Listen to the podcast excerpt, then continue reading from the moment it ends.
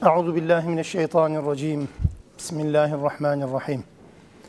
الحمد لله رب العالمين والصلاة والسلام على رسولنا محمد وعلى آله وصحبه أجمعين.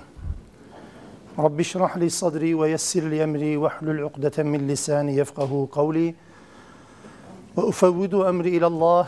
إن الله بصير بالعباد لا حول ولا قوة إلا بالله العلي العظيم.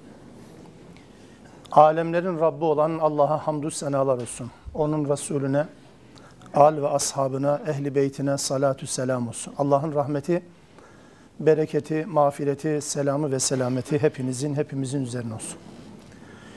Rabbim kitabıyla beraberliğimizi Tevbe suresiyle birlikte oluşumuzu hayra berekete vesile kılsın inşallah. Özellikle zor zamanlarda kendilerini belli eden, zor zamanlarda bütün foyaları ortaya çıkan, kolay zamanlarda kendilerini gizleyebilen, kamufle edebilen bir kesimden Rabbimiz söz ediyordu Tevbe suresinin geldiğimiz bölümlerinde. 63. ayetten itibaren okuyacağız. 62. ayeti geriden alarak aynı minval üzere devam ediyor. Rabbimiz daha sonraki dönemlerde kendilerine münafık denilen Allah Teala'nın bazen vasıflarını söylediği, bazen isimlerini söylediği, bazen münafık kelimesini hiç kullanmadan sadece özelliklerini bize tanıttığı bir kesim, bazen münafık kelimesini kullanarak bize tanıttığı bir kesim. Evrensel bir mesaj olarak Allah'ın kitabı elbette sadece bu kesimin yani münafıkların Medine'de Hazreti Peygamber'in ve Müslümanların güçlendiği dönemde ortaya çıkan isimleri şu şu şundan ibaret olan kesimlerden ibaret olmadığını biliyoruz. Kur'an'ın bu bölümleri daha çok sonraki dönemlerde de Müslümanların güçlendikleri, İslam'ın yükselen değer olduğu, Müslüman olmanın onur vesilesi sayıldığı dönemlerde Müslüman görünen, kasırgaların, fırtınaların, rüzgarların estiği dönemlerde ise kendini kamufle etmeyi bir marifet sayan, hatta riske girmemenin, zarar görmemenin avantaj sayan bunu avantaja dönüştürmeye çalışan bir kesimi Allah Teala bize bildirir ki onlara dikkat edelim. Onları dışlamak değil. Bunu daha önce söylemiştik. Ama sonuçta bu tip insanları tanımalıyız ki yol arkadaşlığımız ona göre devam etsin. Beraberliğimiz ona göre devam etsin. Nerede ne zaman ne yapacağı belli olmayan bu insanlara karşı Müslümanların uyanık davranmasını Rabbimiz anlatır. İşin özü özeti de bundan ibarettir. Bu düşünceyle 62. ayetten itibaren yeniden okuyoruz. Bismillahirrahmanirrahim. Yahlifune billahi lekum liyurdukum. Allah'a yemin ederler. Sizin için yemin ederler. Sizi razı etmek için. Münafıkların temel endişesi bu. Allah'ın razı olması onlar için önemli değil. Önemli ve öncelikli olan beraber yaşadıkları insanları razı etmek, onların gözüne girebilmektir. Zaten Allah'a Allah'ı razı etme gibi bir hedefler olsa adları münafık olmaz. Sizi hoşnut etmek için, sizin gözünüze girmek için yemin ederler, yemin billah ederler. Vallahu ve Rasuluhu ahakku en yarduh. Ahakku en yurduh. Oysa razı edilmeyi hak eden, hoşnut edilmeyi hak eden sizden ziyade Allah ve Resulüdür. İn kanu mu'minin. Eğer mümin iseler, mümin olduğunu söylüyor iseler, sizi razı etmek yerine Allah'ı ve peygamberi razı etsinler. Yemin etmelerinde gerek yok bu yönüyle. Dolayısıyla aslında münafıklarla Müslümanlar arasındaki en belirgin farklardan bir tanesi de bu iddialarını yeminle ifade etmeye çalışmaları, sürekli konuşmaları, laf üretmeleridir. Hangi konuda? Allah'ı ve Resulünü razı etme konusunda, Allah'a ve Resul'e itaat etme konusunda veya Allah'ı ve Resulü sevme konusunda uygulanması gereken, hayata geçirilmesi gereken bir tarafı yok. Sadece ve sadece sözle bunu ifade etmeye çalışırlar. Oysa Hazreti Peygamber aleyhisselamın yaşadığı dönemde etrafında bir tarafında deyim yerindeyse şöyle bir tablo çizersek eğer, bir tarafında Ebu Bekir varken karşı tarafında da Abdullah bin Übey münafıkların reisi vardı. Hazreti Peygamber Ebu Bekir'in samimiyetini, Ebu Bekir'in ihlasını, Ebu Bekir'in sürekli ben seni seviyorum ya Resulallah demesine bağlamadan biliyordu. Ebu Bekir bunu ifade etmeden, böyle bir ihtiyaç olmadan da Hazreti Peygamber Ebu Bekir'in samimi ve ihlaslı olduğunu biliyordu. Öbür tarafta ise Abdullah bin Übey, bunu örnek olsun diye söylüyorum. O sürekli seni seviyorum ya Resulallah. Gerçekten Allah'ı seviyorum ya Resulallah. İslam'ı seviyorum ya Resulallah demek suretiyle aslında içinde olmayan, hayatında hiç karşıda olmayan şeyleri sadece dile getirmek suretiyle muhatabı kandırmaya çalışıyordu. Bu kıyamete kadar da sürecek olan bir anlayıştır, bir düşünce biçimidir. Onun için Müslüman ikide bir canım sana feda ya Resulallah deyip bağırmaz. Olup olur durup dururken olur olmaz her ortamda bunu söyleme gerek yok. Zaten davranışlarıyla, samimiyetiyle bunu ortaya kor. Birisi eğer durup dururken olur olmaz her ortamda ikide bir bunu deklare etmeye çalışıyorsa, ikide bir bunu yeminle ifade etmeye çalışıyorsa, vallahi de billahi de ben de iyi Müslümanım işte ben de bunu yapıyorum diye söylüyorsa, bilin ki onda bir problem var. Uygulamada bir problem var ama dahası samimiyetinde bir problem var. Bu problem samimiyetinden kaynaklandığından dolayı samimiyetinden kaynaklandığından dolayı bunu karşı tarafı hissettirmemek için özellikle ifadeyle, sözle anlatmaya çalışır. Bu münafıkların temel özellikleridir. Ve bu ifadeden sonra Allah Teala özellikle bize şunu hatırlatır. Elem ya'lemu ennehu men yuhadidillâhe ve rasûlehu. Bilmiyor musunuz?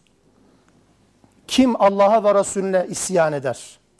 فَاَنَّ لَهُ نَارَ cehenneme haliden fiha. Ve böylelerine ebedi kalmak üzere cehennem vardır.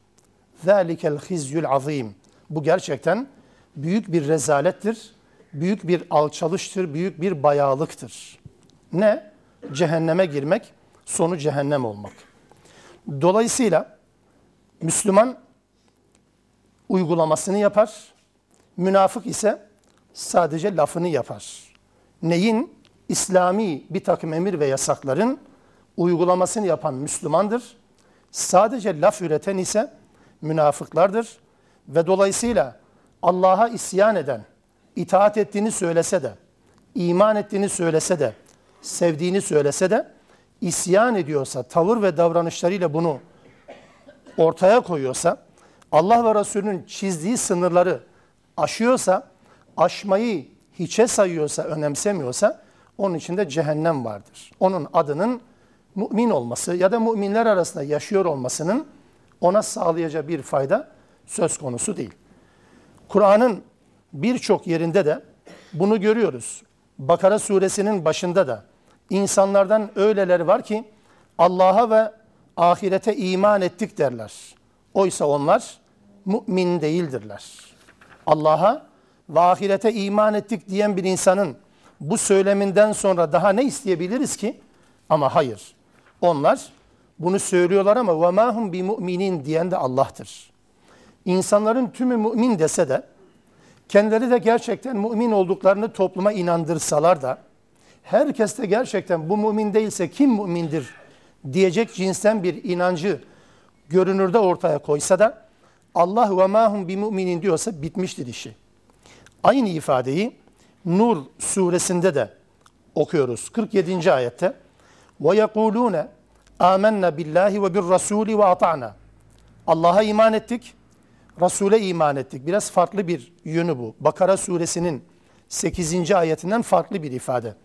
Allah'a iman ettik, Resul'e iman ettik ve ata'na ve itaat ettik. Bunu ilan ederler. Sümme ama sonra ne olur?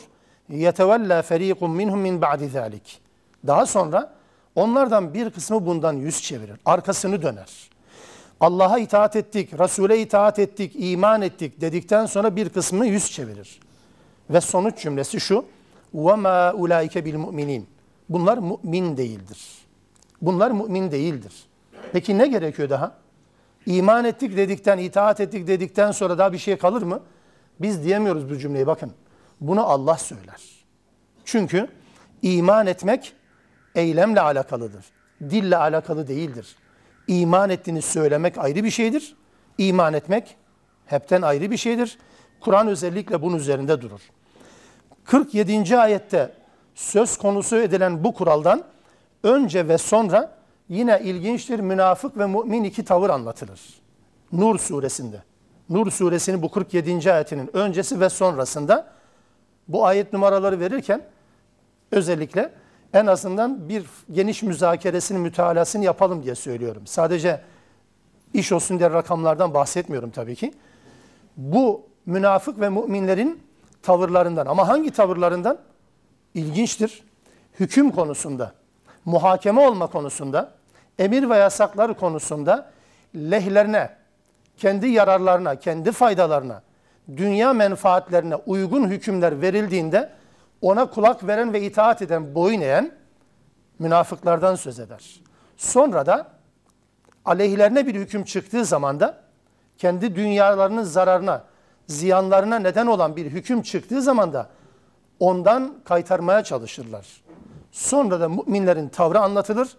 49-50. ayetlerde mümin o kimsedir ki Allah ve Resulü bir hüküm verdiği zaman semi'na ve ata'na der. İşittik, itaat ettik ve bunun gereğini yerine getirir. İşte mümin odur.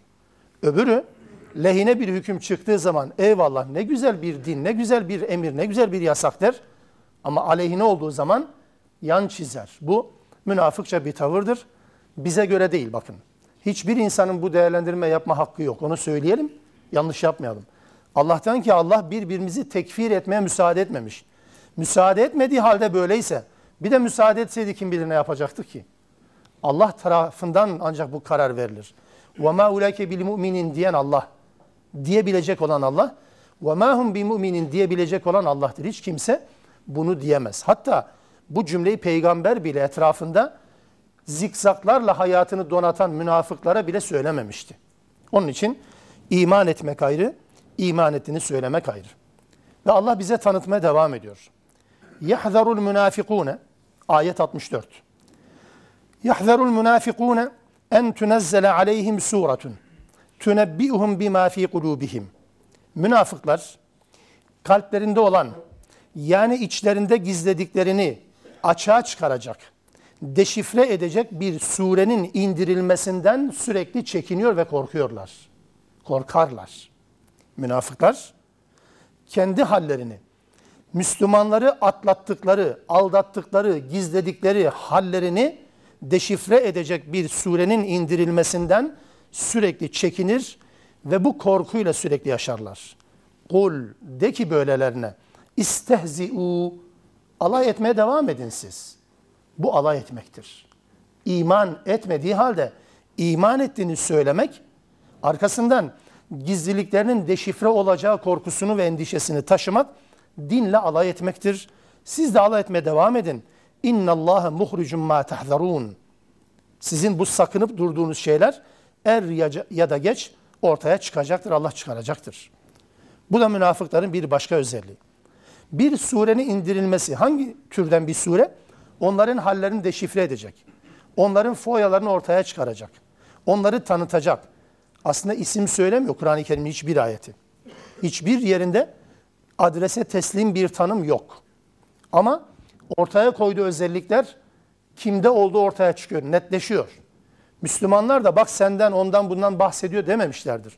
Sonraki dönemlerde şu ayetin şu münafık hakkında indiğini söylemeleri sonraki dönemdeki tefsir hareketinde olan şeydir.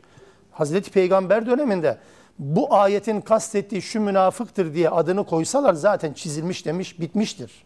Çünkü cehennemlik olduğunu ilan eden bir ayeti X şahsı için dese o bitmiş. Böyle bir şey yoktu ki.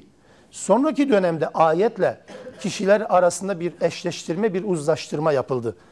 Dolayısıyla çok genel şeylerden bahsediyor. Münafıklara özellikle sürekli bir sure gelecek endişesi var, hakim. Böyle bir hakim durum var onlar için. Niye endişe ediyorlar? Gizlilikleri ortaya çıkacak diye.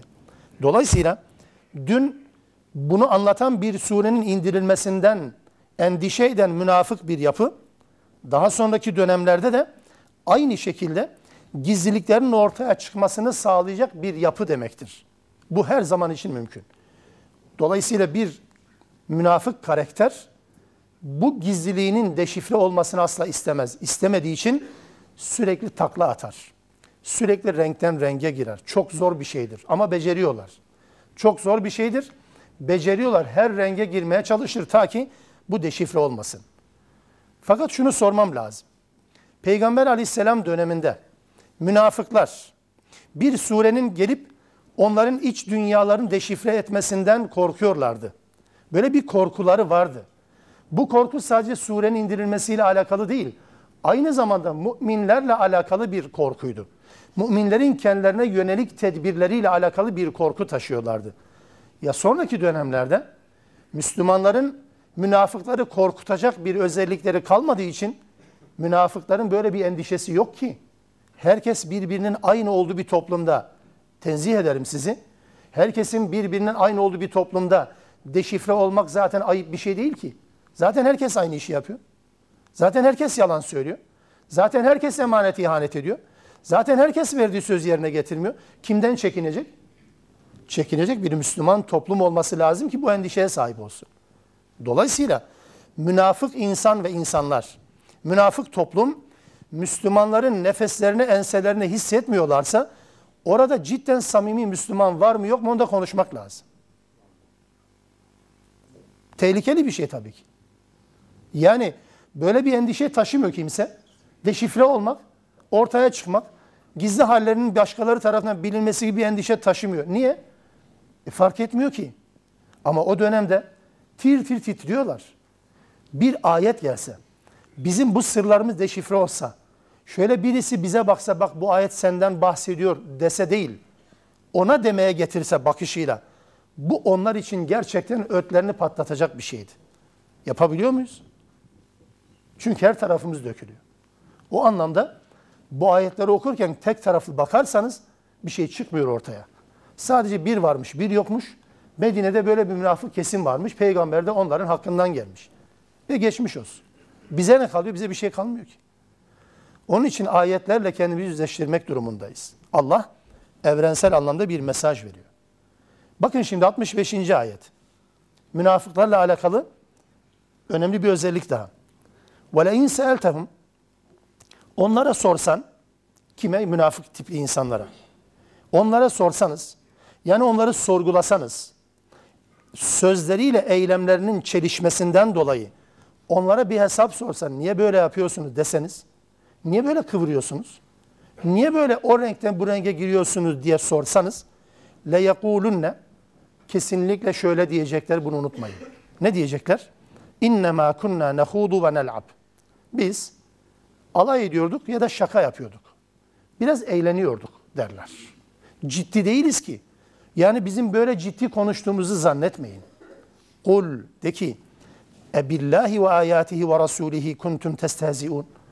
Siz Allah'la, Resul'le, Allah'ın ayetleriyle mi alay ediyorsunuz? Çok enteresan bir olay var bu ayetle alakalı. Daha doğrusu bu ayetin ne anlama geldiğini anlatan bir olayı Abdullah bin Ömer anlatıyor bize. Tebük Savaşı sırasında bu surenin nazil olduğu dönemlerde o süreç içerisinde şöyle bir olaydan bahsediyor. Çok ilginç bir olaydır. Bir şablondur bu. Münafıkların alay etmeleri ne anlama geliyor? Ya da ne yapıyorlar ki alay etmek gibi değerlendiriyor Allah ve Resulü alay etmek.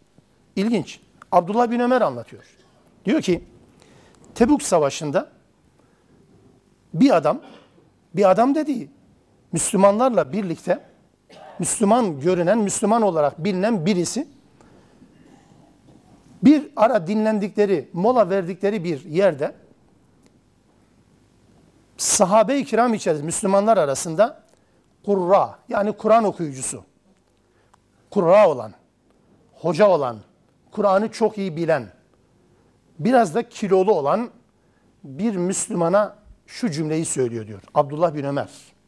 Diyor ki ya bizim şu kurralar, hocalar var ya bunlar kadar boğazına daha düşkün, dili daha fazla yalan söyleyen, düşmanın karşısına çıkmaktan da bu kadar korkan başka kimse yok. Cümleye dikkat edin. Bizim bu kurralar, hocalar kadar boğazına düşkün, dili daha fazla yalan söyleyen, düşmanın karşısına çıkmaktan daha fazla korkan kimse görmedik der birisi. Bunun üzerine o mecliste bu sözü işiten bir Müslüman dedi ki yalan söylüyorsun. Sen münafıksın. Ben bunu mutlaka Resulullah'a haber vereceğim dedi. Bu haber Resulullah'a ulaştı ve hakkında bu ayet nazil olmuştu. Yani ayet onun hakkında nazil oldu derken olay yaşandı ayet nazil oldu değil. Bu ayetin anlamı buydu. Abdullah bin Ömer diyor ki ben bu adamın bu Müslümanlara, Kur'an okuyanlara takılan, onların yeme içmeye düşkün olduklarını ve korkak olduklarını söyleyerek onlara takılan bu kişinin Resulullah'ın devesinin terkisine, ipine sarıldığını, ayaklarının taşlara çarptığını gördüm. Resulullah'a yalvarıyordu. Çünkü Resulullah haber verdi o kişi. Peygamber onu çağırdı. Ona bu ayeti okudu. Siz, sen Allah ve Resulü ile alay mı ediyorsun? Allah'ın ayetleriyle alay mı ediyorsun? diyordu. Ve ey Allah'ın Resulü diyor. Biz lafa dalmıştık. Eğleniyorduk diye peygamberden habre özür diliyordu. Resulullah da diyordu ki siz Allah ile ve peygamberiyle alay ediyorsunuz öyle mi? Artık özür beyan etmeyin. Çünkü iman ettikten sonra kafir oldunuz. Alakayı sağlamaya çalışalım. Allah ve Resulü alay etmek, yani Fransa'daki bir derginin yazarının yaptığı bir alayla sınırlıyorsanız yanılıyorsunuz. Yanı başımızda dinin kutsal saydı değerlerle, dini temsil eden insanlarla, din adamlarıyla, ilim adamlarıyla eksikleri olur, şu olur, bu olur. Sırf onların Müslüman olmasından dolayı onlara hakaret etmek, onlara alay etmek Allah Resulü'nün dilinde Allah'la ve Resulüyle alay etmekle eşdeğerdir. Uzaklara niye gidiyorsunuz ki? O yüzden bunu söyledikten sonra birileri, çünkü söylenen cümlelerdendir bu. Dışarıdan bahsetmiyoruz ki. Yaşadığımız toplumda her an işitmeye hazır olduğumuz cümlelerden. Birisi hasbelkader bu sözleri, buna benzer sözleri söyleyen Müslüman kardeşimizi bozarsa, bozduğu zaman bu kez karşıdaki diyor, diyor ki ya ne olacak biz şaka yaptık. E aynısını bu adam da söylüyor. Ya şaka yaptık. Niye alınıyorsun? Şaka böyle yapılmaz. Şaka din üzerinden olmaz. Şaka dindarlar üzerinden asla olmaz. Şaka dini değerleri simgeleyen kişi ve şeyler üzerinden de olmaz. Maide suresinde kafirlerin özelliklerinden bahsederken onlar ki namaza çağırdığınız zaman اِذَا نَادَيْتُمُ الصَّلَاةَ اتَّخَذُوهَا هُزُوًا Namaza çağrıyı alay konusu yaparlar. Kafir. Ezanı alay konusu yapmak, ezanla alakalı bir takım sözler söylemek insanı küfre götürür. Bu sosyal medya denilen baş belası, bu medya kültürü dediğimiz klavye mücahitliği, klavye cihadı, klavye üzerinden bir takım şeyler yapmaya çalışan Müslümanlar Allah affetsin. Bazen öyle enteresan noktalara geliyorlar ki yabancı elin gavuru söylese o sözleri gerçekten cinayetlik bir iştir. Ama bizim Müslüman diğer Müslümanlarla gırgır geçerek söylüyor bunu. Yemeği merkeze koyarak, hal ve hareketleri merkeze koyarak dindarlarla alay etmeyi normal ciddi bir şey zannediyor. Daha doğrusu ciddi bir şey olmadığını zannediyor. Oysa bu şaka dahi olsa, merkezde din ya da dindarları simgeleyen bir unsur varsa, bu Allah'la, peygamberle alay etmenin bir başka şeklidir. Bu Abdullah bin Ömer'in naklettiği olay bize bunu hatırlatır. Onun için dini ve itikadi konuların şaka ve eğlence konusu edilmesi münafıklığın bir özelliği olarak hatırlatılıyor. Dahası bu konu ciddi anlamda Allah'ın uyarmasına neden oluyor. Ciddi bir uyarı nedenidir bu. Ve arkasından diyecek ki Allah Teala 66. ayet La ta'teziru kad kefertum ba'de imanikum. Siz İmanınızdan sonra küfre düştünüz, özür dileme gerek yok. Aleyhissalatü vesselam bu ifadenin aynısını peygamberin ayaklarına kapanan ne olursun beni affet ben şaka yaptım diyene aynı 66. ayetin bu cümlesini okuyordu. Özür dilemeyin. İmandan sonra küfre düştünüz. Allah Resulü'nü inkar etmedi ha. Peygambere savaş açmadı. Sadece bizim bu hocalar, bu kurralar, bu hafızlar yemek yemekten başka bir şey bilmiyor. Aynı zamanda korkaktırlar. Dillerde hep yalan söyledi, hakaret etti sadece o kadar. Bir insanın yalan söylediğini, bir insanın çok yemek yediğini, bir insanın çok korkak olduğunu söyleyin. Bu problem değil. Özellikler varsa iftira olmazsa. Ama din adamı üzerinden Müslüman şöyledir, Müslüman böyledir, şu hoca böyledir, bu ilim adamı böyledir, bu alim böyledir derseniz bunun hesabını gerçekten zor verirsiniz. Özür dilemeyin. İmandan sonra küfre düşüyorsunuz siz. İn na'fu an taifetin minkum. İçinizden buna rağmen kimilerini affederiz. Cidden günahından pişman olur, vazgeçerse affederiz. Ama nuazzib taifeten biennehum kanu mücrimin. Diğer bir grubu azap edeceğiz. Yani ikiye ayrılabilir. Bu insanlar vazgeçer yaptıklarından. Onları affederiz. Ama affetmeyeceğimiz, azap edeceğimiz bir kesimde kesinlikle var. Çünkü onlar mücrimin yani günahkardırlar, günah işleyen insanlardır. Allah onları affetmeyeceğiz diyor. 67. El münafikune vel münafikatu ba'duhum min ba'd. Münafıkları Allah Teala biraz daha netleştirmek üzere der ki münafık erkekler ve münafık kadınlar birbirlerindendirler. İlginç bir ayrıntı, bir inceliktir bu. Özellikle mesela bu sayfanın tam mukabilinde 71. ayette vel mu'minune vel mu'minatu ba'duhum evliya'u ba'd der. Ba'duhum evliya'u ba'd. Mümin erkekler ve mümin kadınlar birbirlerinin velisidirler. Ama burada 67. ayet-i kerimede münafık erkek ve kadınlardan bahsederken onlar birbirlerinin velisidirler cümlesi yok ya. Ba'duhum min ba'd. Birbirlerindendirler. Halbuki halbuki Kur'an'dan şunu öğreniyoruz. Mesela Enfal suresi 73. ayette okumuştuk hatırlarsanız. Unuttuysak hatırlatayım. 73. ayette Allah Teala kafirlerden bile bahsederken vellezine keferu ba'duhum evliya'u ba'd demişti.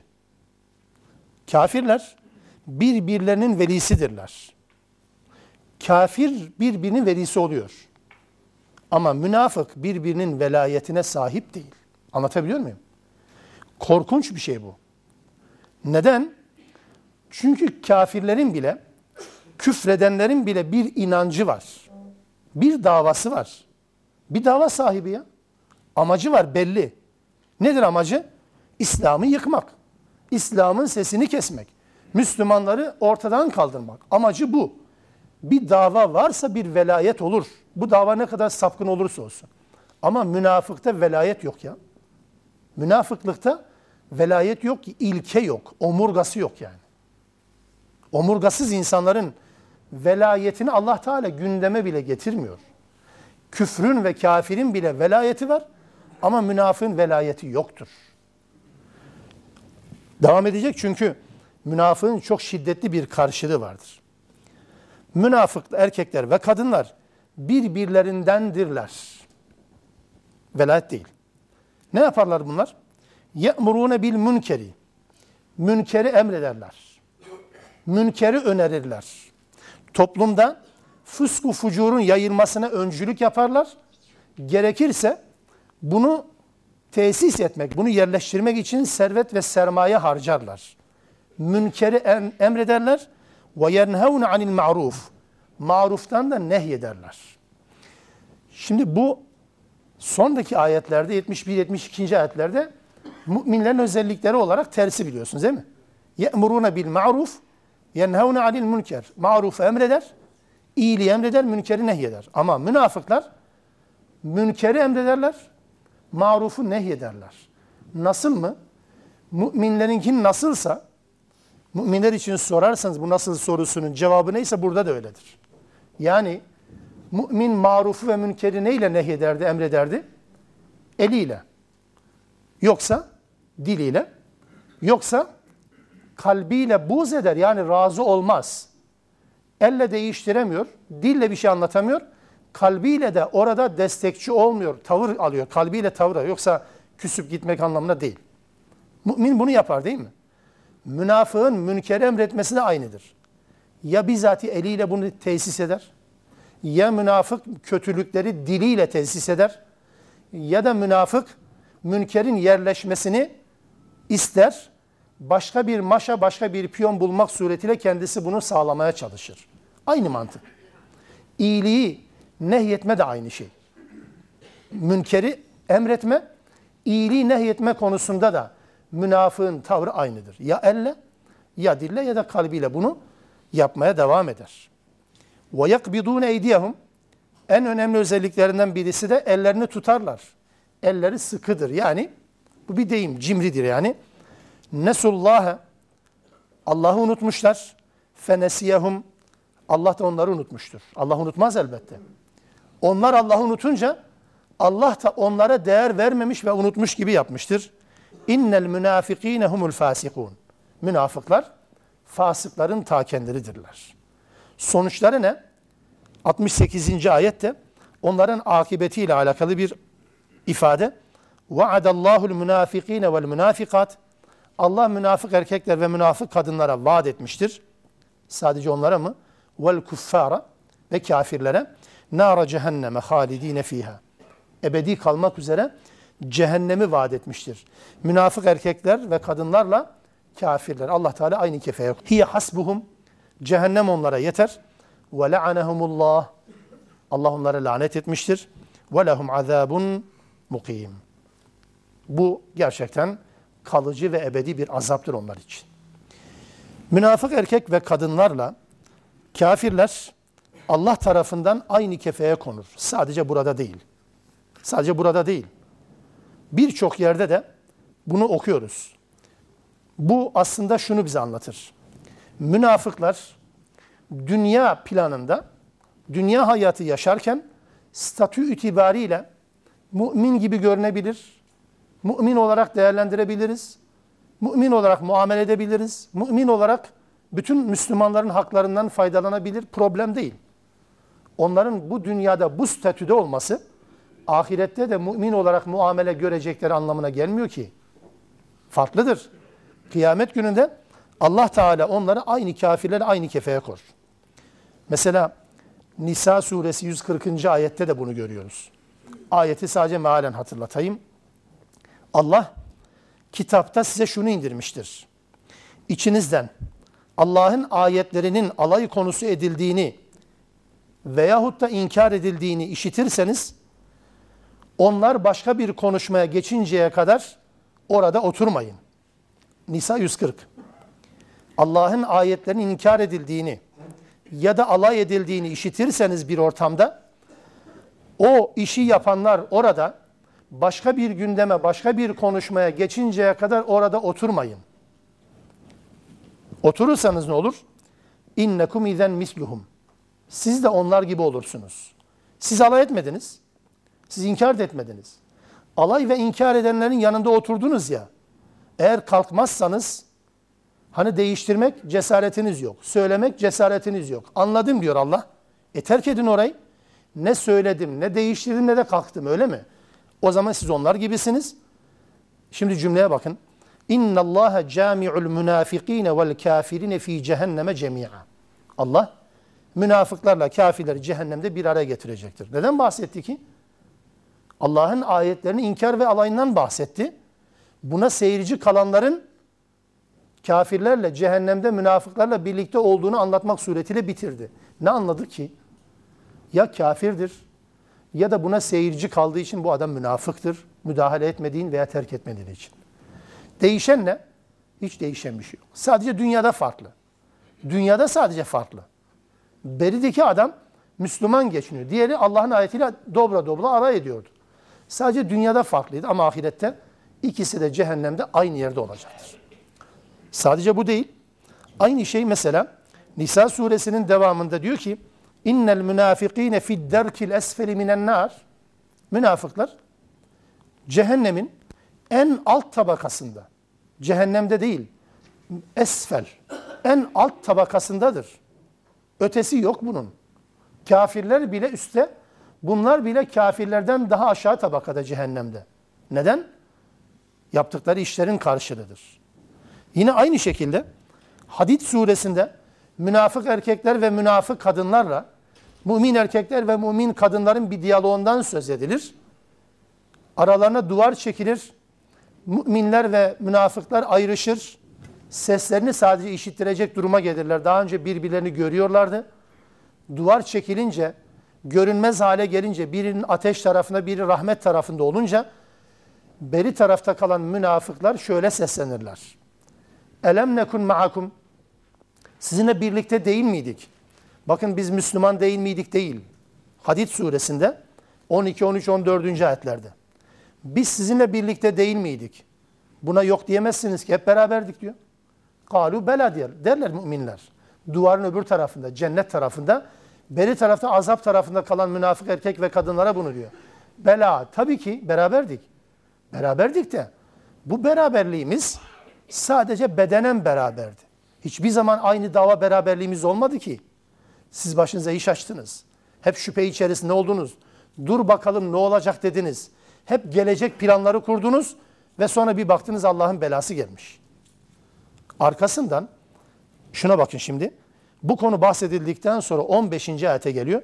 Allah diyor ki bunlara فَالْيَوْمَ لَا يُؤْخَذُ مِنْكُمْ فِدْيَةٌ وَلَا مِنَ الَّذ۪ينَ كَفَرُوا Ne sizden bir fidye alınır ne kafirlerden. Orada kafirden bahsetmiyordu halbuki. Çünkü aynı kefeye konacaktır. Münafığın sadece statüsü dünyada farklıdır. Ahirette kafirden bir fark yok. Hatta kafir bir gömlek üsttedir, bir davası var. Bir ideali var hiç olmasa. Bir ilke uğruna yaşanmıştır. Şu veya bu şekilde de olsa.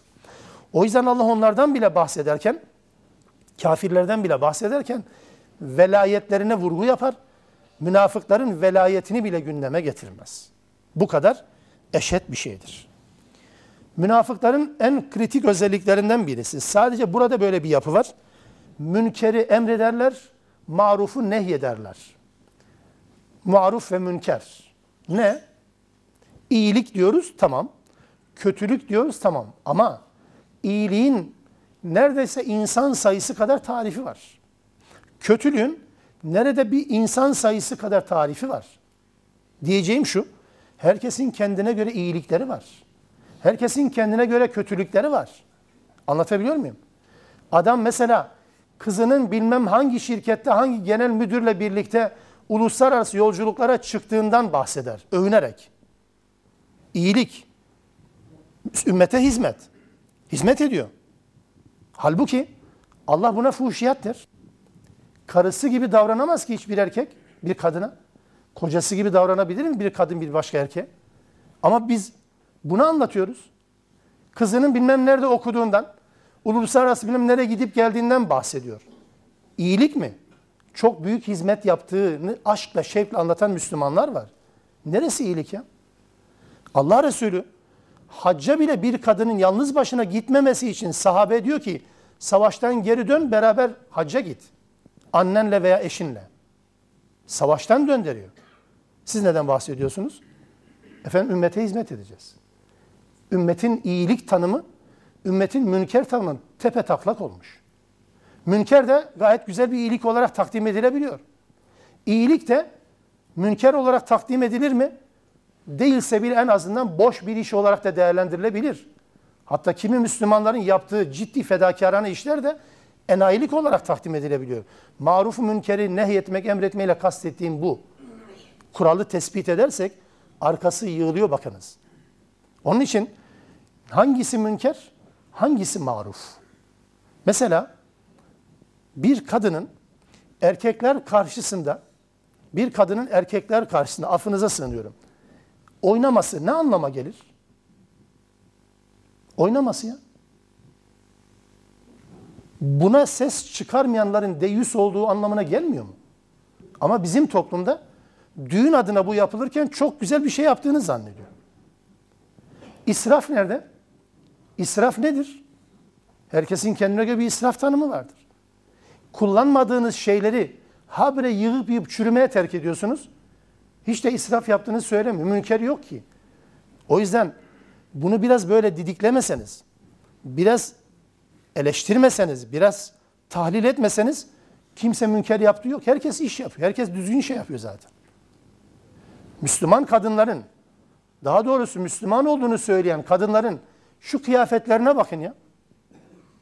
Dün nasıl giyiniyor? Bugün nasıl giyiniyor? Bizim dışımızda, bizim dış dünyamızdaki insanlarla ilgimiz yok. Onları bırakıyorum. Onlar onlara sıra gelmiyor. Dün giyindiği kıyafetten bugün utandığı için farklı bir kıyafet biçimini ortaya koyan Müslüman kadınlara çok iyilik yaptığını zannediyor. Dün böyleydik. Bizi uyutmuşlar. Meğer bizi cendereye sıkmışlar. Boşu boşuna bize eziyet etmişler. Meğer böyle olması gerekiyormuş. Kim dedi? Dün söyleyen kimdi? Bugün bunu söyleyen kim? Heva mı? Arzu ve istek mi?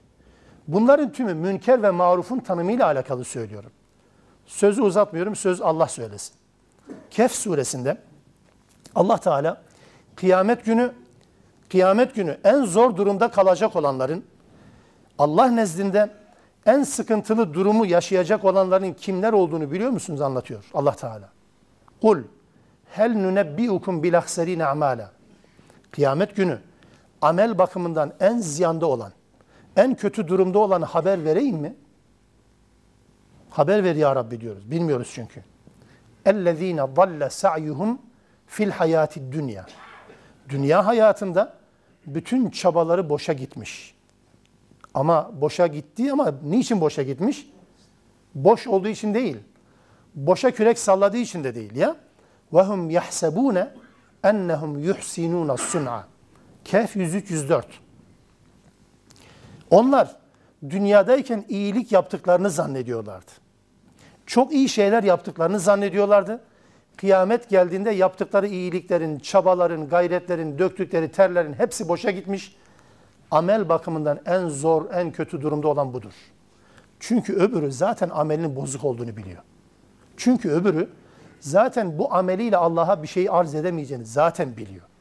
Belki çok güzel şeyler bekliyor. Bir bakıyor ki aman Allah'ım hiçbir şey kalmamış. Niye? Çünkü iyilik yaptığını zannediyordu. Şehit olduğunu zannediyordu. infak ettiğini zannediyordu. Kitabı Allah'ın kitabını okuyup anlattığını zannediyordu. Allah üçüne de diyecekti ki Müslim'de geçen bir hadis Hazreti Peygamber'in hadisini kısaltarak söylüyorum. Allah da buna diyecek ki sen ne şehit oldun ya? Desinler diye yaptın. Sen infak etmek için değil, cömert desinler, hayırsever desinler diye yaptın. Sen de ne iyi Kur'an okuyor, ne güzel anlatıyor desinler diye okuduğunu anlattın. Sürükleyin cehenneme, üçünü de cehenneme atar. İşin garip tarafı, bu üç eylemin sahibi de, yani şehit olan da, infak eden de, ilim yolunda olan da kendisini öyle zannediyor. Başkası onu öyle zannediyor değil. O ayrı bir şey bakın. Hani biz bir insanı böyle zannederiz, yanılırız. O ayrı bir konu. Ama bu üç insanın üçü de kendisini böyle takdim ediyor. Ne yaptın dediğinde şehit oldum. Öbürü sen ne yaptın dediğinde Allah ben infak ettim. Öbürüne Kur'an okudum, Kur'an anlattım. Atın cehenneme çünkü hiçbirinin değeri yok. Kat sayı sıfır. Çarpanı sıfır. Neden?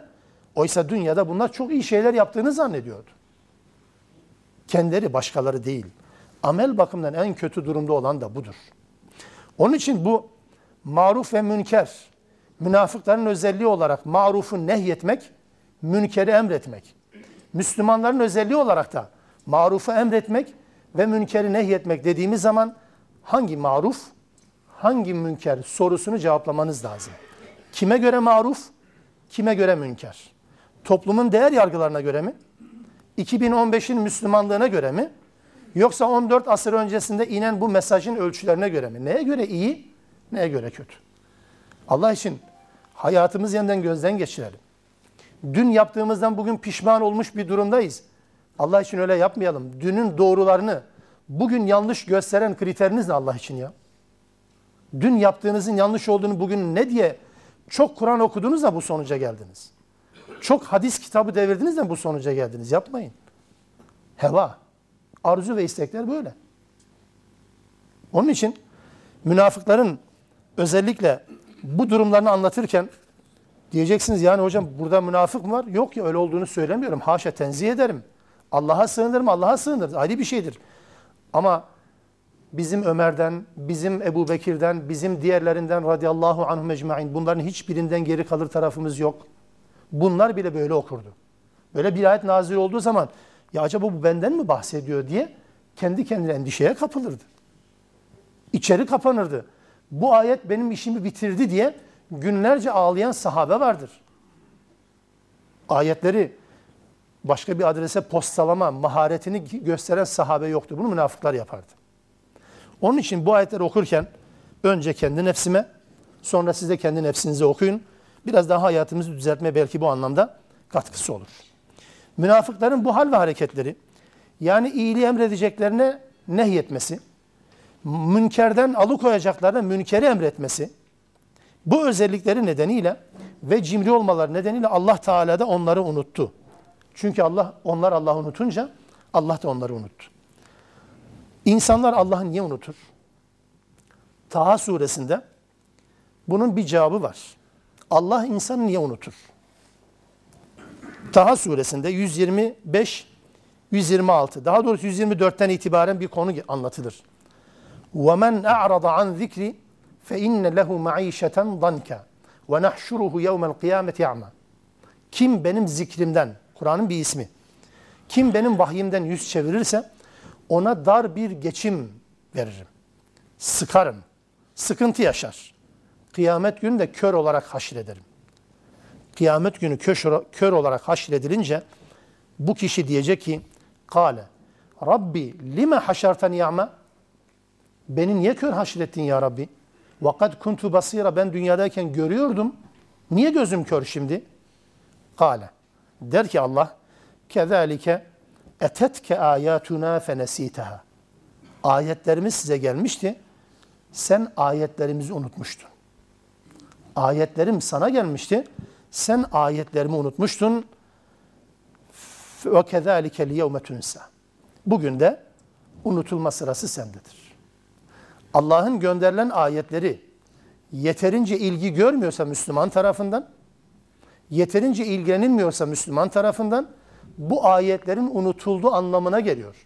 İnkardan bahsetmiyoruz. İnkardan bahsetmiyoruz bakınız. İnkar farklı bir şey.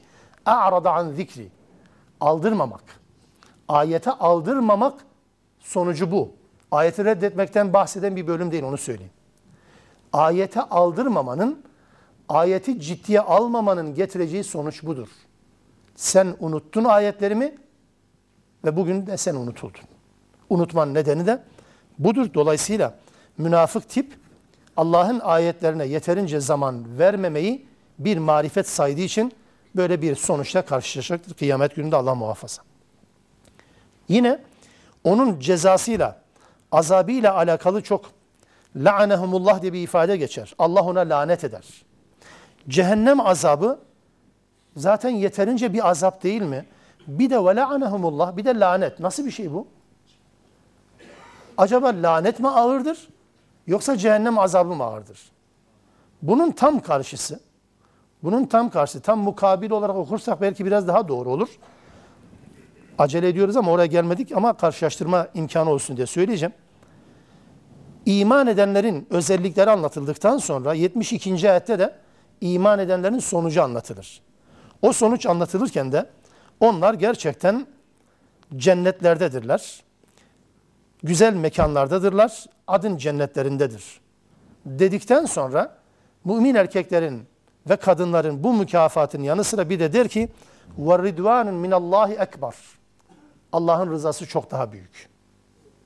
Cennet artı Allah'ın rızası.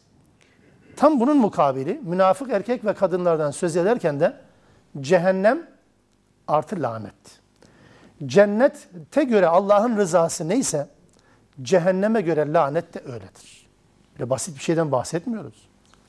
Allah ki Rahmandır. Dünyada kafirlere bile rahmet eder. Onun kafirlere bile rahmetinin gereği devam ediyor kıyamete kadar. Lanet etmek, Allah'ın bu rahmetini bile iptal etmek anlamına gelir. Belki tam netleştirmedim. İzah edilmiyor çünkü Türkçe. Ama şöyle bir hadis var o hadisle lanetin, lanetin ne anlama geldiğini anlıyorum. Çünkü cehennem azabından çok daha kötü bir şeydir lanet. Tıpkı Rıdvan'ın cennetten çok daha değerli bir şey olduğu gibi.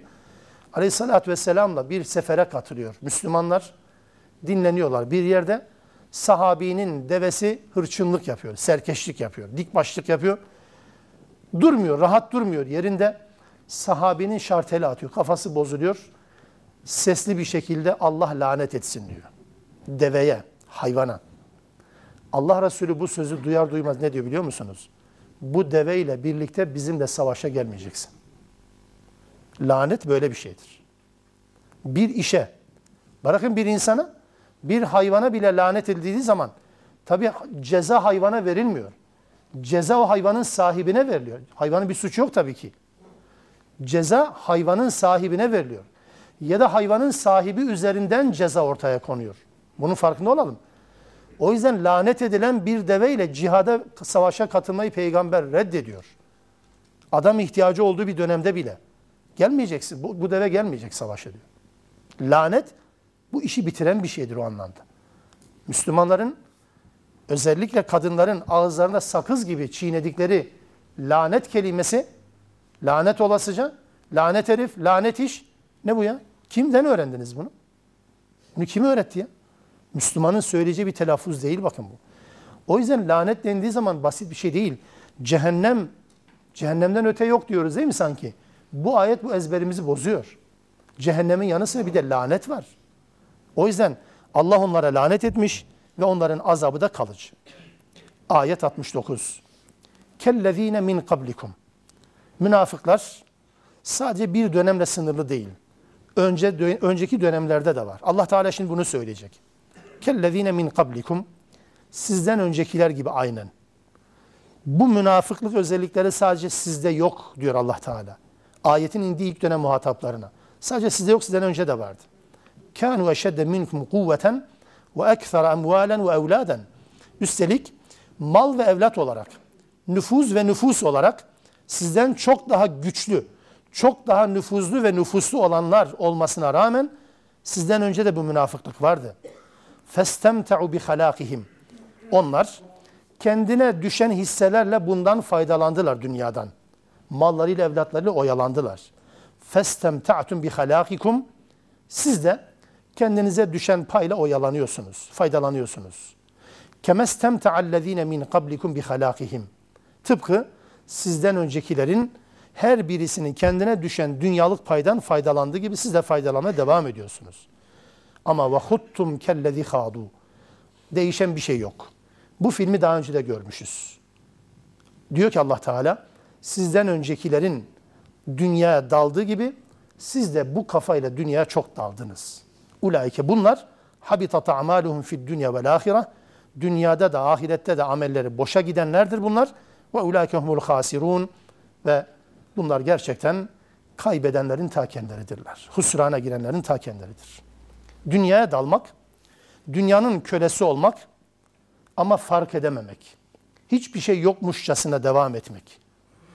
Bu münafıkların anlatıldığı bir bağlamda özellikle Müslümanların peşini bırakmayan, önlerinde sürekli bir tehlike olarak duran bu süreci Allah Teala geçmişle irtibatlandırıyor. Geçmişte de benzeri var.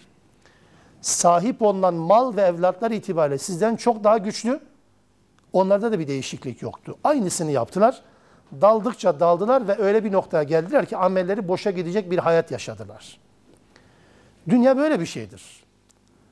Afrika'da maymun avcılarının maymunları avlarken uyguladıkları bir taktik var. Yanlış bilmiyor ve yanlış hatırlamıyorsam şöyle bir taktik var. Maymunları avlamak zor. Onun için ağzı dar olan cam bir kavanozun içerisine maymunların iştahını çeken ceviz gibi, fındık gibi yemişleri doldururlarmış. Cam bir kavanoz. Bu kavanozun içerisine elinizi yumarak korsanız çıkarırsanız çıkarabilirsiniz. Ama elinizi yumruk yaparsanız el orada kalır çıkmaz. Maymun önüne kor. Maymun gelir fıstığı cevizi gördüğü için elini içine atar. Karşıda da tüfeğin namlusunu görür. Tüfeğin namlusunu görür ama eli kavanozun içerisinde. Bir avuçlamış fındık ve ceviz çıkarmaya çalışıyor. Tüfeğe bakıyor, cevize bakıyor. Bıraksa kurtulacak. Bırakamıyor, kavanozla birlikte tetiğe basıyor ve o da avlanıyor. Bizim dünya sevdamız bunun gibidir. Almışız, bırakamıyoruz. Bıraksak kurtulacağız. Yine faydalan. Bir tane al, iki tane al problem değil. Avuçlayınca çıkmıyor kardeşim. Kavanozun ağzı dar. Kapasiteyi aşıyor. Kapasiteyi aşınca kimyanı bozuyor. Avcı orada tetiğe basacak seni bekliyor. Sen farkında değilsin. Cevize dadanmışsın. Bizim örneğimiz bundan farklı değildir bakın. Daldıkça dalıyorsunuz ve sonra avlanıyorsunuz. Önce buna hakim sizken sonra bunlar size hakim oluyor ve sonra kıvırmaya başlıyorsunuz. Dünle bugünün mukayesesini yapıyorsunuz. Dün yanlış yaptık, bugün doğru yoldayız zannediyorsunuz. Kıyamette Allah Teala bunun hesabını görecek bizden. Ve amelin boşa gitmesiyle alakalı kullanılan terimi yerinden hatırlatayım. Habitat a'maluhum. Amel niye boşa gider? Kullanılan terim ne biliyor musunuz? Hayvan, deve ya da deve yedikçe yediği şeyin kendisine faydası olduğunu zanneder. Aslında ölüme götürüyor. Habitat kelimesinin anlamı bu. Arapçada. Deve zehir yemiyor. En çok sevdiği, lezzet aldığı bir yiyecek yiyor ama yedikçe de kendisini bozuyor. Öldüme doğru götürüyor. Fakat verdiği lezzetten dolayı bunu hissetmiyor. Bir süre sonra patlayıp gidiyor. Hani koyunlar buğday çuvalına dadandığı zaman bir de üzerine su içiyor. Ne kadar lezzetli geliyorsa arkasından gidiyor ya. Ölüme doğru gittiğini farkında değil. İşte münafıkların yaptıkları işlerin boşa gitmesi de böyledir. Çok iyi şey yaptığını zannediyor sadece ama bu amelin boşa gitmesine neden oluyor. Yaptığımız, sahip olduğumuz şeyler, imkanlar, dünyevi anlamdaki imkanlar bizi bozmaya devam ettiği sürece de biz gerçekten amellerimizin boşa gittiğini fark edeceğiz. Sonuçta aslında asıl amacımız, meşguliyetimiz neyse, ilgi alanımız neyse, bizim zihinlerimizi meşgul eden neyse, aslında biraz da imani kimliğimizin belirtisi o değil mi? Kime ait olduğunu bilmiyorum ama buna benzer bir hadis var da hadis değil bu söyleyeceğim. Kimin sözüdür tam hatırlamıyorum. Allah yanındaki değerinizi bilmek istiyorsanız Allah'ın sizi neyle meşgul ettiğine bir bakın bakalım. Korkunç bir şey. Allah sizi neyle meşgul ediyor? O sizin Allah yanındaki değerinizdir. Bu ayet değil, hadis değil. Diyebiliriz ki bu sözün hiçbir değeri yok. Ama gerçekten bir tecrübenin sonucu olarak süzüle süzüle buraya getirilmiş bir sözdür. Evet yani gerçekten neyle meşgulsünüz? Bakın meşguliyetinize ve size Allah'ın verdiği değeri orada görebilirsiniz. Onun için meşguliyetlerimizi lütfen gözden geçirelim. Neyle meşgul olduğumuzu, hangi konular bizi onore ediyor, hangi konular bizim uykularımızı kaçırıyor Allah için tekrar düşünelim.